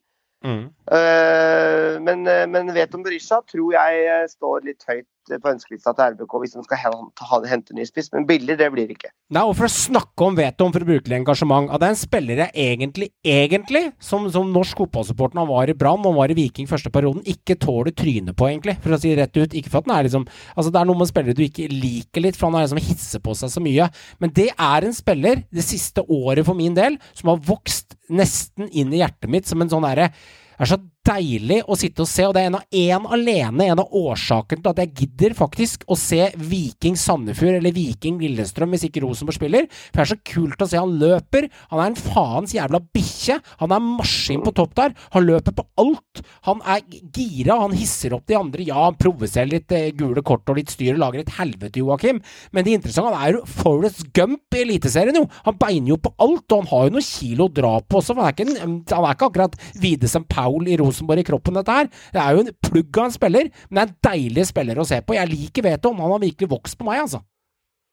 Jo, men, ja, men det er det samme. Altså, jeg har jo alltid likt, altså hele livet mitt, egentlig, som uh, du vet, vi har vært inne det før, gammel høyrebekk. Altså, jeg er bekk. Ja, ja. Jeg liker spillere som blør, og som slåss. Fordi det bekker slåss. De slåss og blør for drakta si. Ja, ja. Og, og det er det samme som eh, Berisha gjør. Han er altså, han er Nei, han er en av verdens mest ufyselige spillere. Eliteseriens en av, en av Eliteseriens mest Ja, ufyselige. Mm. Kanskje verden. Jeg bryr meg ikke om det. Nei, nei, nei. I verden! Så ille er det ikke. Han er helt ufyselig som spiller, men poenget er at det er det, det ufyselige han har, er på et bra Det er et bra ufyselighet. Ja, ja. Fordi det er klubben sin. Altså, han gir alt han kan i hver kamp, og du ser det på han. Når ting ikke går sin vei, så står han og kjefter. Han står og smeller. Han er sinna. Altså, han, han vil ikke tape. Nei, det det. Altså, hele Nei. Og den- dette her skulle vi sett i Brann og Bergen, Ja. vet Ja, ikke sant? Og det er litt det synd, vet du, Håvard. fordi at hadde han fått ut det der i Bergen, så hadde jo Fløibanen reist seg eh, i glede. For det interessante at byen hadde jo buldra over, og ølet på Hansa bryggeri hadde flomma i gatene. Så For det hadde interessante hadde bare jo lagd det helvete. bomba, så hadde det vært Ja. greit. Da, riktig, bomba. det er det du må spørre om. Hvorfor fikk han det ikke ut i Brann? Og det var sannsynlig fordi han følte ikke den tilhørigheten han faktisk Viking. Han følte ikke at han ble tatt han følte ikke at han ble satt pris på. Han følte ikke at han var Riktig. en viktig riktig. person. Og Han det, ga han faen. og det får ligge Han har ofte flytta ut på kant, Ja, og han var- sterkt, sterkt, sterkt, sterkt Ja. ønska hjem til Stavanger. ja, Og han skulle satses på som spiss. Ja. Nummer én spiss. Og det tok tid, vi husker tilbake. ja. Det tok tid før det løsna, men når det løsna virkelig, da er det virkelig løsna også for Veton. Og han er jo da på mange måter den eh, kanskje nesten beste spissen i norsk fotball. Det vil Jeg jeg faktisk si, som rein spiss, Jeg syns det. så syns jeg faktisk nesten han er det. Jeg syns det. Og jeg husker i Brann, eh, når han var Vi tar siste ord om det. Det viser hvor viktig det er at du må passe et system, og du må lykkes. Han skåra ikke så veldig mange mål. Han skåra tre-fire mål det året, eller hva det var. Men, eh, men ja. gutten, mannen, kall det hva du vil, han hadde jo åtte-ti assist. Jeg husker han hadde fryktelig mye målgivende pasninger på den høstsesongen for Brann der, men det var tydeligvis ikke nok til at Dauda Bamba skulle spille. Og det, sånn er det. Og Andres eh, lykke, andres brød, andres glede og andres helvete. Det er sånn det er. Så eh, ja, ja. Vet du, Meran, velkommen, Merando. Du sitter jo oppe i Hunderfossen og har vært gjennom Flåklypa Grand Prix for den store gullmedaljen med dattera di. Eh, Du får være med litt på slutten av podden. Eh, Welcome. Tusen takk for det. Nydelig dag her i Lillehammer, eller Innlandet, for å bruke Å, det er bra innlandet. Ja, og Nå er vi på Innlandet. og jeg sitter jo kun en halvtime unna deg eh, med podutstyret mitt eh, på eh, Gjøvik hos min kjære tante. Ja, verdens vakreste tante. Hun er jo så god. eh, Så det vil si at jeg sitter, eh, jeg sitter og ser oppover Mjøsa nå. Jeg syns jeg ser det vakre skjegget ditt i enden. Ja, du gjør det? Ja. Det gjør det, vet du. Vi skal ikke lage en slik en demning, sier de her oppe i, oppe i Høgna. Sånn Så er det. det, så det kan vi gjøre. Vi kan komme og lage en demning. Komme og lage en demning. Og det er jo litt med, Vi har snakka litt om eh, Bakenga, snakka om OI, snakka om Lene Olsen og snakka om Berisha og snakka litt om enkeltspillere her, men så er det jo en gang sånn at eh, alle kapitler tar jo en gang slutt. Alt det vakre. Kjærligheten tar slutt, pengesekken går slutt, og eh, noen ganger så eh, går eh, treneren også ut dørene, og det skjedde på Nadderud for noen dager siden. og Tor. Meran, du skal få prate litt om det. Jeg skal innrømme at uh, vi var jo for en del podder tilbake siden, for noen måneder siden, i april, før påsken. Så ble det jo slutt med eksen, og det var trist, det. Mm. Uh, men den meldingen jeg fikk uh, søndag kveld, den, den sitter i meg ennå. Jeg, jeg, jeg er knust, rett og slett. Altså, Rett etter kampen, det var en begredelig kamp, ja, men rett, rett etter kampen så ble han spurt er du rett mann til å snu ut der. Og så sier han ja, selvfølgelig er jeg det. Eh, og så halvannen time etterpå så kom en pressemelding om at han har slutta. Mm. Og der, der kom første tanken at det her er piss. Han har ikke slutta, han har fått sparken. Mm. Eh, så vil jeg liksom lure på hvorfor i all verden har han fått sparken. Mm. Og så viser det seg at det går litt tilbake. Det går litt tilbake etter tid. Eh, Etter sesongen i fjor så hadde Janne et møte med styret som han kalte inn til sjøl, fordi han følte at avstandene begynte å bli litt store innad i klubben. Mm. For Stabæk er jo en familieklubb. Men han følte der og da at avstandene begynte å bli store, så han kalte inn til et møte. Mm. Uh, for å prate litt om veien videre. Og Mo, da, som er styreleder, han, eh, han eh, kom med sin tilbakemelding om at uh, spillet ikke har vært bra nok, laget ikke har vært bra nok, for det var det ikke helt på høsten i fjor. Mm. Vi endte på 39 poeng og åttendeplass, greit nok. Eh, jeg syns det er bra, men nå skulle vi ta nye steg i år. Eh, men stallen var bedre i fjor, Mm. ikke sant? Så kommer vi til sesongstart i år, Mm. og før sesongstart så sier Janne eh, det blir tøffere i år. Vi kan ikke regne med å ta noen steg i år med tanke på laget vi har, annet. Han sa det på en litt annen måte. Jeg pakker det ikke inn. Um, for Janne er en gentleman, han pakker alt inn. Han er klasse. Men han sa at det, vi, altså, vi har jo ikke forsterket oss. Mm. Først og fremst, hvis vi går litt tilbake til tid, vi har fremdeles ikke erstatteren til Frank Boli. Eh, vi har heller ikke erstatteren til Hanke Olsen, en skikkelig erstatter, da. Kom nå med Vangberg. Mm. Mm. Eh, Mm. vi har ikke erstattet Emil Bohinen. Så vi går til sesongen her uten en erstatter på Emil Bohinen, som er da den siste mann som gikk ut. da. Og så forventer vi at vi skal ta steg. Eh, greit, vi har fått inn en del erfarne spillere, men mye av de har vært skada òg. Mange av de har underprestert. Eh, og så skal selvfølgelig Janne ta sin del i forhold til laguttak, men det har jo vært en del sur etter korona òg. Mm.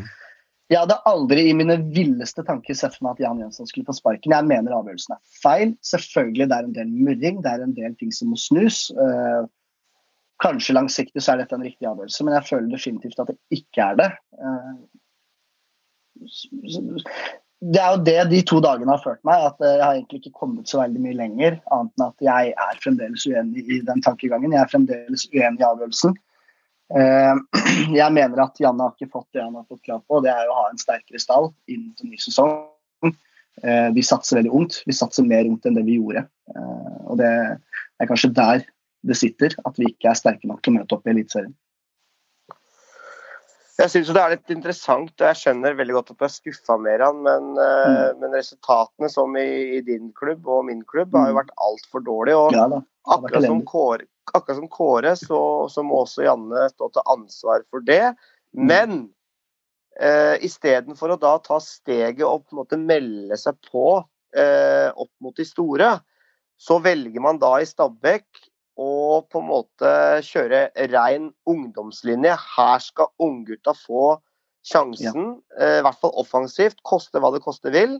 Og det kommer inn eh, mye potensial, for det må vi si. Det er mye Ekstremt. potensial i mange av disse gutta. Men når det brenner litt på dass, og, og det butter imot, så Mm. er kanskje ikke unge spillere de som på en måte eh, går foran og leder an i krigen for å snu Mm. skuta. Eh, jeg Mm. syns det er et veldig spennende lag, mye spennende, en spennende tropp. Jeg tror mange av disse gutta her kommer til å få gode karrierer. Men vi Mm. må være ærlige og si mange har skuffa stort. Og de erfarne gutta som skal dra lasset, eh, sånn som de gutta bak, som Vangberg, Amankwa, eh, Solheim og Skutte, vil jeg også si, trekker trekke fram. Eh, De har skuffa monumentalt. Og de eh, spissene som ble henta inn, var litt sånn panikkhent. Med Kolenko, Uche osv. Kinoshita er jo en mann som ikke skårer mål. Eh, Så Janne har på mange måter fått vanskelige betingelser for å dra det laget videre. Og det må, må, må, må styret og klubben eh, stille seg spørsmålet har vi gjort nok for å, for å gi Janne best mulig forutsetninger for å lykkes. Og han har jo også vært ærlig på det, at eh, vi, vi har et for dårlig lag på en måte melde oss på der oppe. Men at Stabæk skal rykke ned, som det ligger an til nå, det mener jeg er en stor underprestering. da. Eh, Det er lenge igjen, men de, de er, har mannskap nok til å, å ligge høyere, mener jeg. da. Jeg er 100% enig i det du sier der, Håvard. Og det er jo litt sånn Han har ikke fått de betingelsene. Altså Siden Janne kom, høst, altså sommeren 2019, snart to år siden, så har vi solgt spillere under Janne sin siste periode nå for 160 millioner kroner. Og da lurer jeg på hvor er de penga blitt av? For vi har gått med overskudd. Og så ser jeg da Jon Tunholt på forum nå for et par dager siden si at det er mye går til agenter og det der, samme svada som det alltid er. Vi har gått i overskudd, så møter vi ikke opp til serien med et godt lag, godt nok lag, mener jeg. Eh, vi er svekka fra i fjor. Men jeg er enig, det laget her skal i utgangspunktet holde plassen. Og det, det vi kan skylde på her eh, Jeg mener at det bør sitte en gjeng spillere nå hjemme, for de har akkurat gått ut i ferie, som bør føle skyld på at de svikta lederen sin. Som bør føle på at de har svikta laget sitt i forhold til hvordan de har prestert i år. Eh, Det er mange som bør skamme seg, faktisk, eh, for hvordan de har opptrådt og oppført seg internt, ut fra det jeg har fått høre. Ja. Å styrte ned to pils på Sola flyplass etter kampen mot Viking, det er ikke greit. Det tror jeg alle veit. Så det er mange der som må ta seg sammen. Og jeg vil forsvare de unge litt. eh, fordi de kan ikke dra lasset alene i det hele tatt. Det er de erfarne som skal dra lasset, og dem har svikta. Eh, men allikevel eh, Vi kaller han ung ennå, han er jo ung, han er 20 år, men Cornelius Nordmann Hansen underprestert. Mangler sluttprodukt. Jeg vil se at han faen tar opp hansken. Eh, Edvardsen òg, han er jo klasse, men det er ofte klasse én kamp, og så går han fire-fem kamper uten å være klasse, blir helt borte. Han må bli mer stabil. Markus Solbakken er lei at han gjemmer seg nå. Han må vise at han er god nok for Eliteserien, og per nå så er han ikke i nærheten. Han gjemmer seg kamp etter kamp. Eh, vi kaller, kaller han for 1000 touch Solbakken, fordi han tar bare touch, spiller støtte. Ta touch, spiller støtte, og så gjemmer han seg igjen. Det er liksom Det er ikke noe vilje. Det er ikke noe ønske om å gå offensivt. Det er ikke noe ønske om å på en måte prøve å få til noe, prøve å skape noe offensivt. Så jeg føler at det bør sitte en tropp der nå som føler at de har svikta lederen sin. Og det er lederen som tok støyten. Eh, Så klasse er Janne Jønsson. Jeg mener at det er helt feil. Men vi får se langsiktig da, hvordan dette her går. Ja, det er alltid lederen som tar støyten til slutt. Man eh, kikker jo på han. Det er litt sånn fall of the leader så lenge du får resultater, men når resultatene uteblir, så er man eh, fort gjort å peke på lederen og diareen renner ned over veggen med han. Ja, og det, apropos diaré. Eh, nå er det på tide at Torgeir Bjarmann søren meg får til noe i det neste vinduet. For nå har det vært mye diaré de siste vinduene. Han har fått henta inn mye bra, absolutt. Vi skal ikke, vi skal ikke svartmale det helt. Men det har vært mye hasteinnhentinger. Og de han skulle hente på de kritiske posisjonene, det er der det har svikta. Um, jeg føler virkelig den eneste signeringa vi har truffet skikkelig med i år, det er Sjala, og han er skada, har vært skada i tre kamper nå. Så det er jo dessverre litt synd. Og Blant annet det Janne sier, at han er en av de erfarne som på en måte ikke har fått spilt så mye. Men Torgeir Bjarmann, nå mener jeg at nå Det er nå. Ellers så burde du faktisk evaluere deg selv og tenke over om du har faktisk gjort en god nok jobb. Eh, for det var gode vilkår. Kanskje får, kanskje vi skal få et svar av Bjarmann eh, når Ja, overgangsvinduet det nærmer seg, så han kan få til å stille opp selv. Så kan han få svare, på, det- svare på spørsmålene selv. Ja, for jeg kødda mye om det før med Stig Inge Bjørnevi, og jeg sa 'hvor er Willy'? Ja. Nå lurer jeg på hvor er Willy? Det har vært tyst fra Bjarmann siden Janne dro. Det har vært korte, korte kommentarer i media, bl.a. annet om uh, Aga er linka til Stabæk. Altså, Ja. jeg, jeg vil se han komme ut i media nå, eller til klubben, for han, han er borte nå. og Det går ikke. Han har vært borte for lenge. Nå må han faen meg begynne å vise seg litt fram i media. Mulig, mulig det kan være en forespørsel på, for Bjarmann med når overgangsvinduet åpner. og Så får vi høre litt hva plan og tid og sted og rom er for Stabæk, for det er vel han er rette mannen å spørre om. Det blir spennende. Men de, har, men de har jo noen her, da. Håvard Antonio Nussa. Eh, altså, det er en ny eh, vidunderkid, som jeg vil kalle det, da, på vei her. Løkkegutten fra Langhus eh, ute ved ski der. Altså, får noen herlige skåringer, da. Og to av dem er jo helt ekstreme. Altså to av de skåringene han har satt inn. Og det er jo satt inn både med venstre og høyrebein. Altså, vi snakker jo Det er ikke, det er ikke noe tull, tull dette de har, fostra opp her. Og mulig Bjarmann har gjort en god jobb der, da. Og vært i mye i forkant uten at uh, man egentlig har lansert han som en spiller som man slå an allerede i 2021. Jeg tror han bare er rett og slett øh, Han er så god at han bare må spille. Og, og, og du ser jo at gutten er jo helt fullstendig uredd. Altså, hvem er det som liksom, altså, han, han, altså, han er 16 år. Vi har jo ikke sett så unge gutter prestere siden øh, Martin Ødegaard. Eh, siden eh, Braut Haaland, eh, som var eh, da en 16-17, Mm. når han begynte å vise, vise seg fram. Så det er jo et talent utenom det vanlige, helt klart. Som, det er en diamant som Stabæk har her nå. Altså Gutten går jo på ungdomsskolen. Eh, Altså, Er det ikke tiende klasse? Eller første klasse videre, videregående? Det er jo, det er det er tiende klasse. el- el- ellevilt. Han har, Altså, han har miljøkort enda. Jeg ser ut som en sånn liten gutt på Løkka som bare happer og koser seg. og banker han i krysset mot Glimt, liksom. Og fike altså han, han er jo en diamant som Stabæk må forvalte. Eh, sammen med de andre talentfulle spillerne der. Og, men for at sånne eh, spillere skal på en måte få trygge, gode rammer, så må det ledere og, og solide spillere ligge rundt. Og, og da, det mangler det i Stabæk nå. Det gjør det. det gjør det, men Han er ekstremt uredd. Jeg er enig i det du sier. der, Men det som imponerer meg mest med Antonio Nusa, det er spilleforståelsen hans. Hvor klok han egentlig er til alderen hans. Eh, Det er ikke bare ta ballen, gå opp og drible og prøve å skåre. Han, han, er, han er god spillende. Han er, han er veldig god. Eh, Og vi snakker vi snakker den neste store siden Martin Ødegaard, Ja, siden Braut. Altså, det, er, det er superstjerne, det her. Mm. Eh, altså, det eneste som senker prisen hans nå, er hvis Stabæk rykker ned til Obos. Ja. Fordi jeg tror at eh, vi går fra 20-25 mil minimum til rundt maks 10 mil hvis vi rykker ned til Obos. Du kan skjære av over halve prisen. Ja, og så kan jeg jo helle, helle olje, eh, litiumbatteri Mm. eller iskaldt vann i årene dine og si at hvis dere rykker ned, og han har Mm. leverer en grei høstsesong, og ikke kanskje klarer å levere som han har gjort nå, da, som er fort fare for en unge spillere som er litt ustabile, så plukker Molde ham for Mm. 6,5.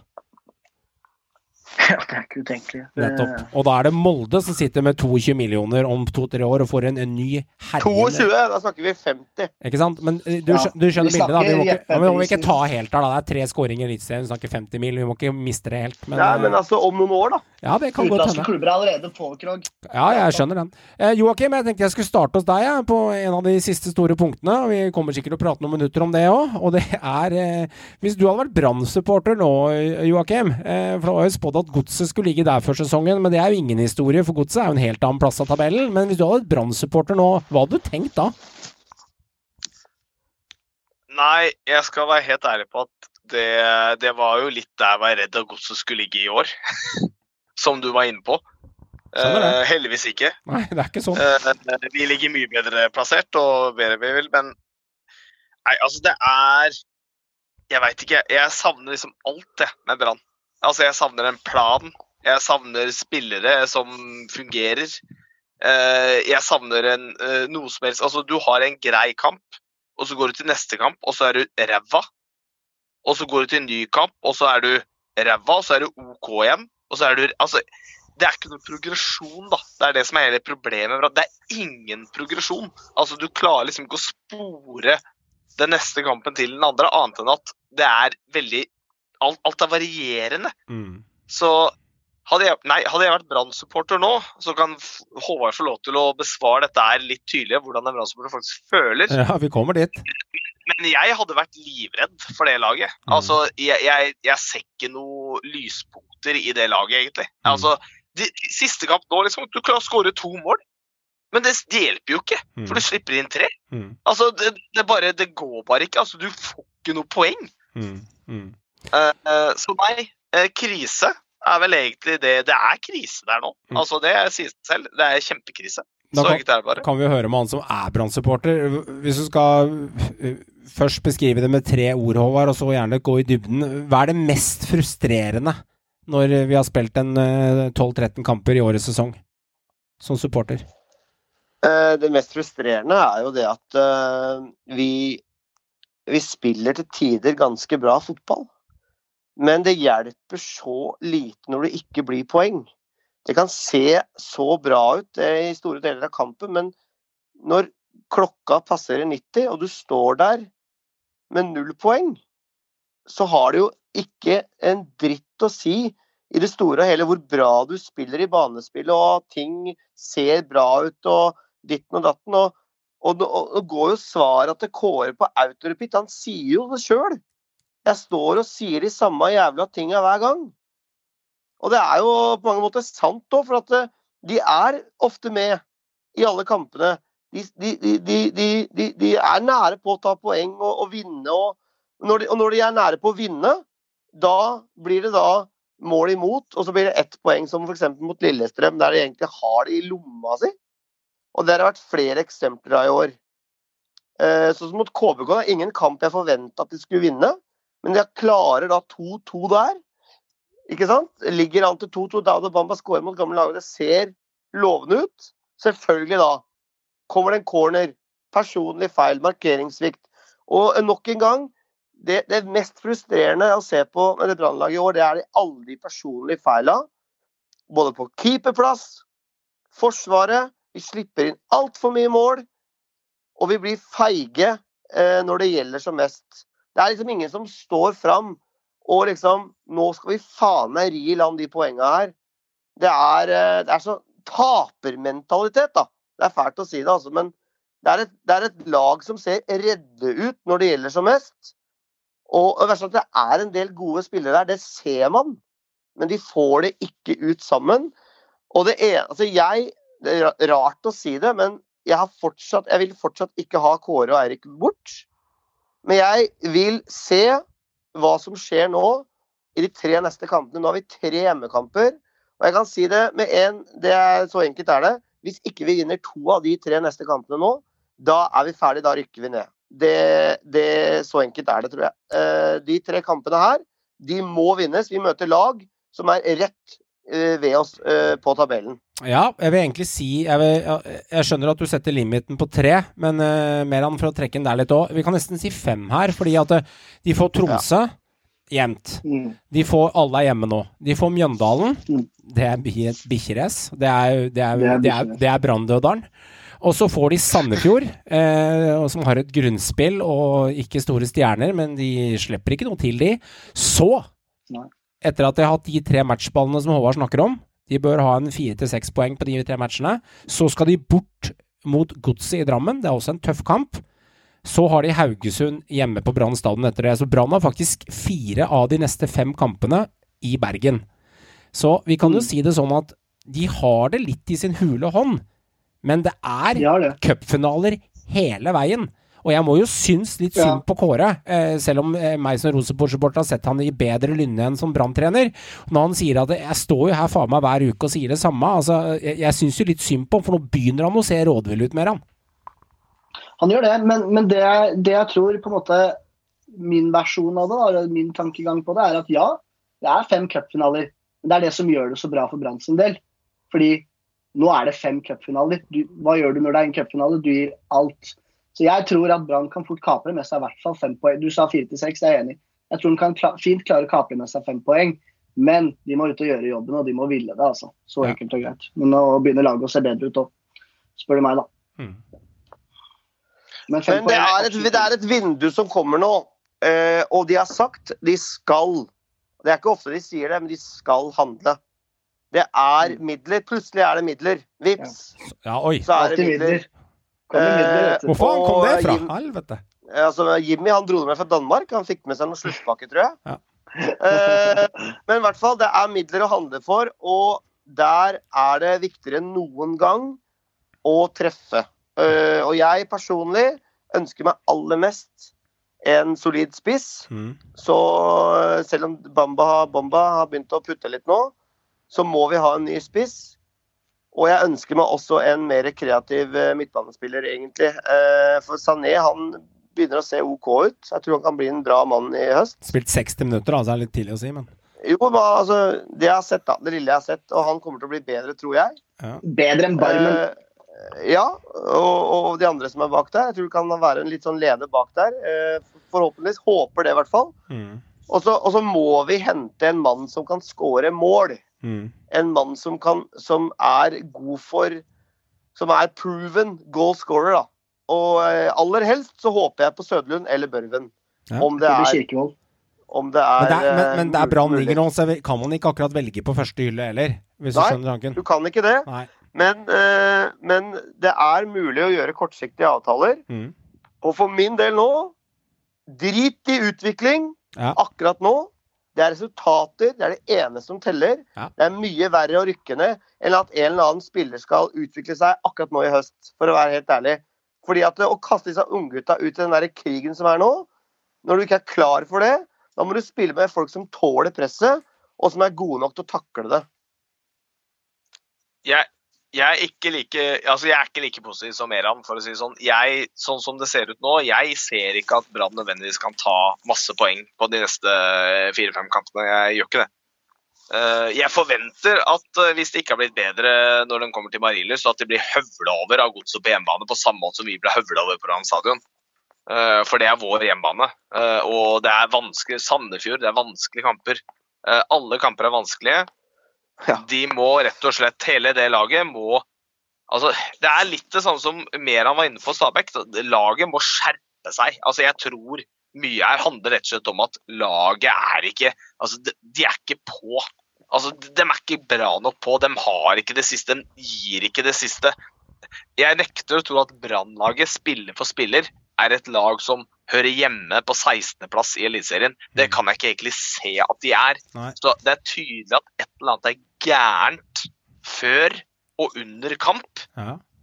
Dette laget her må bare skjerpe seg og skjønne det at eh, ja, vi er fra Bergen, ja, det er Norges nest største by, men vi er fremdeles Norges dårligste lag per nå. Eliteseriens dårligste lag. Vi, vi, har et par, vi har et par divisjoner under, det er greit, det, men du driter i det når du spiller Eliteserien. Mm. Mm. Så Nei, det må skjerpings på. Sånn som de spiller nå, så ser det dårlig ut for Brann at etter å ha blitt spilt 15 serierunder. For meg så ser det veldig dårlig ut. Den ser jeg, og vi skal jo spå litt resultater mer eh, før du koser deg videre på eh, Hundefossen. Det er litt sånn sommerreklame for Hundefossen. Velkommen til Hundefossen. Her kan du se barna Ja, leke med Flåklypa Grand Prix, karusellbanen og hilse på det hyggelige trollet. Inngangsbillett 295 kroner. Det er litt sånn over det. Du skal få lov til å spå, du kan få lov til å spå resultatene først i Mjøndalen Haugesund og RBK, Ja. eh, ditt eh, skjulte favorittlag i det fjerne, KBK. Nei. Eh, ja. Eh, Mjøndalen-Haugesund. Ja. Tror det blir en uh, tøff batalje. Kommer til å være 1-1 ganske lenge der. Og så tror jeg jaggu uh, Jeg tror jaggu veldig får li lika inn en scoring der, og at uh, det blir 1-2 til Haugesund 1-2, ja. når sluttsignalet går. Og så er det RBK-KBK. Ja. Den kampen tror jeg blir en meget tøff kamp. Fysisk kamp.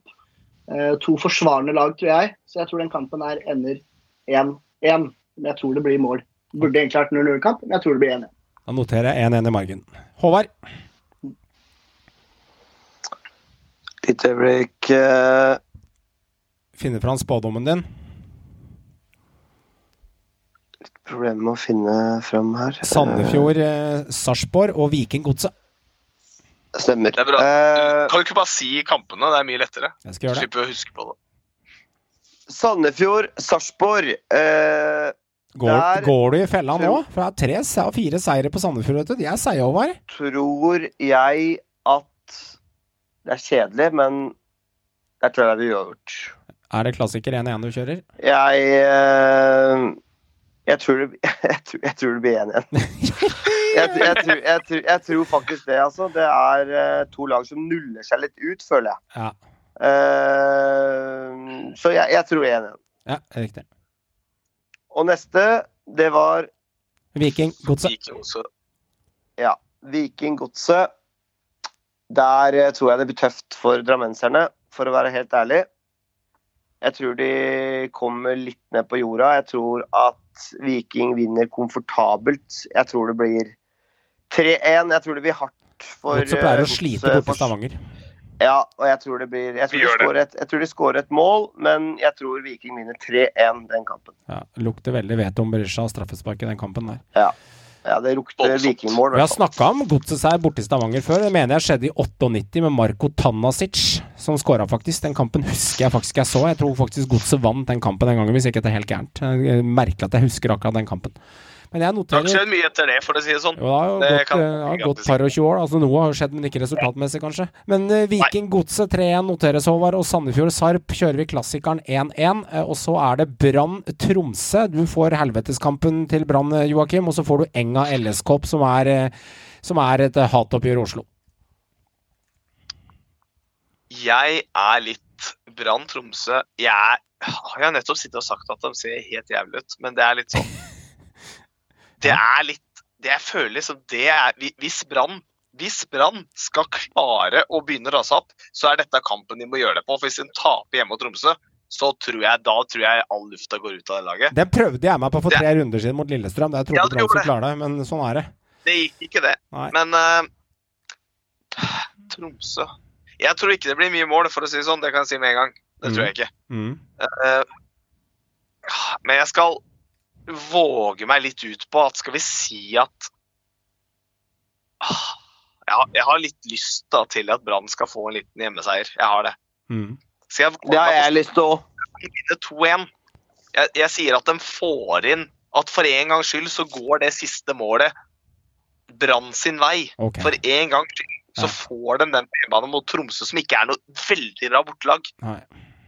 Eh, jeg sier 2-1 til Brann. Mottatt. Jeg tar den. Ja. Eh, Og så Enga LSK. Ja, det er jo liksom the big shit denne runden, da. Jeg lukter 2-2, ass. Jeg tror ikke Enga tar den, jeg. Nei, Jeg tror ikke. Jeg tror det blir 2-2. riktig. Eh, jeg skal beholde Lene Olsen på fancy-laget mitt. Jeg Ja. kan eh, røpe det her. Jeg, bare, jeg tipper han skårer ett mål. Ja, ja, fair. Jeg jeg tipper 2-2. Jeg, jeg Mm. tror det blir en skikkelig ordentlig derbykamp. Jeg tror begge laga er jævlig gira. Ja. Så 2-2. Enga LSK. Brann Tromsø 2-1, Enga LSK 2-2. Den er helt fair. Molde-Odd. Jeg kjører én kamp, siden eh, det fordeler andre. Da får jeg doble poeng hvis jeg treffer, men jeg får kun én mulighet, og det er Molde-Odd uh, uten Bakenga. Jeg så hvordan Odd ble pressa tilbake av Rosenborg, som er et middelmålig lag om dagen. Eh, Molde på hjemmebane skal revansjere seg så de griner etter, og jeg tror de kommer til å sprute i beina av dem, og de pleier å være bra på sommeren. Eh, jeg tror det var bare et lite feiltrykk i passet for Molde forrige runde. Jeg tror eh, Odd kommer til å tape så de griner. Jeg tror Molde vinner 4-1 hjemme. Skikkelig bra resultat, så tror jeg Molde flår dem. Eh, de har ikke noe spesiell spiss der som eh, kan true. Og jeg tror ikke de kommer så langt når ikke de har så mye folk som kan eh, altså Det er ikke sikkert eh, Rudalen spiller heller, pga. han har lite spilletid i beina. Og jeg tror Odd blir trøkt bra tilbake, så det blir 4-1. Men klart, Kittilano skal jo spille mot gamle lagkamerater, så er det vel han som skårer det ene målet for Odd, da, tenker jeg. På et skudd fra Det er fort 70, 70 meter på Bekkplass, liksom. Det er vel han som eh, putter den der. Det er klassisk. Så 4-1 til Molde. Forrige runde, gutter, bare endelig kort og greit, så den som imponerte mest, var Meran. Han traff spot on på Molde Godset 3-0, og så traff han på RBK Haugesund. Han tippa 1-1, men det ble 0-0, så Meran, du får fire poeng for, for spådommen. Så det er sterkt å få fire av seks poeng, er bra. Joakim får ett poeng for uavgjort i Tromsø KBK. Feil resultat, men du får en eh, er litt av poeng der. Og det samme for Håvard med Enga-seier over Sarpsborg forrige runde. Håvard, du tippa Um, tippa 3-1 der, eh, så ble det 4-1. Så det lille drittmålet på slutten eh, gjorde at du fikk ett poeng over istedenfor tre poeng. Men samlet da så sitter Joakim eh, Kan ta lederen først. Meran, du har ni poeng nå. Du leder neste rundespådom. Du har faktisk kommet, ja, De fire poengene gjorde godt for deg. Eh, Joakim, du har sju. Håvard har seks. Og jeg har fire. Så da er Unnskyld meg, men hadde ikke, hadde ikke null poeng veldig lenge i dette her? ja, du hadde det, men du har truffet nå en ener og en er firer og en ener og en ener. Det, det, det skiller fort. Du, du, treffer du på spot on-resultat, så er det tre poeng med en gang. ai, Vet du, ai. så det er, eh, det er muligheter. Så mm, herlig. Få med deg Bodø-Glimt, eh, som går i Champions League-kvalik i morgen onsdag. Stemmer ikke det, Håvard? Jo. Det stemmer.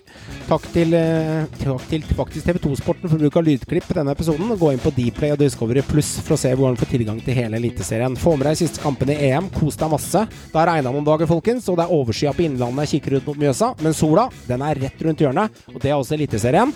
Få med deg kampene. Kos deg masse. Ta vare på deg selv. Vi snakkes. Dette dreier seg ikke om taktikk. Det dreier seg om å ville ta ut det du har i magen. Dere er gode. Skjønn at dere er gode. David Hansen! Vålerenga har snudd det! Det mangler bare at taket letter i Valhalla! Så var det lagt inn i feltet. Det Frode! Det er 4-1! 88-55 på tavla! Frode Johnsen har skåra tre!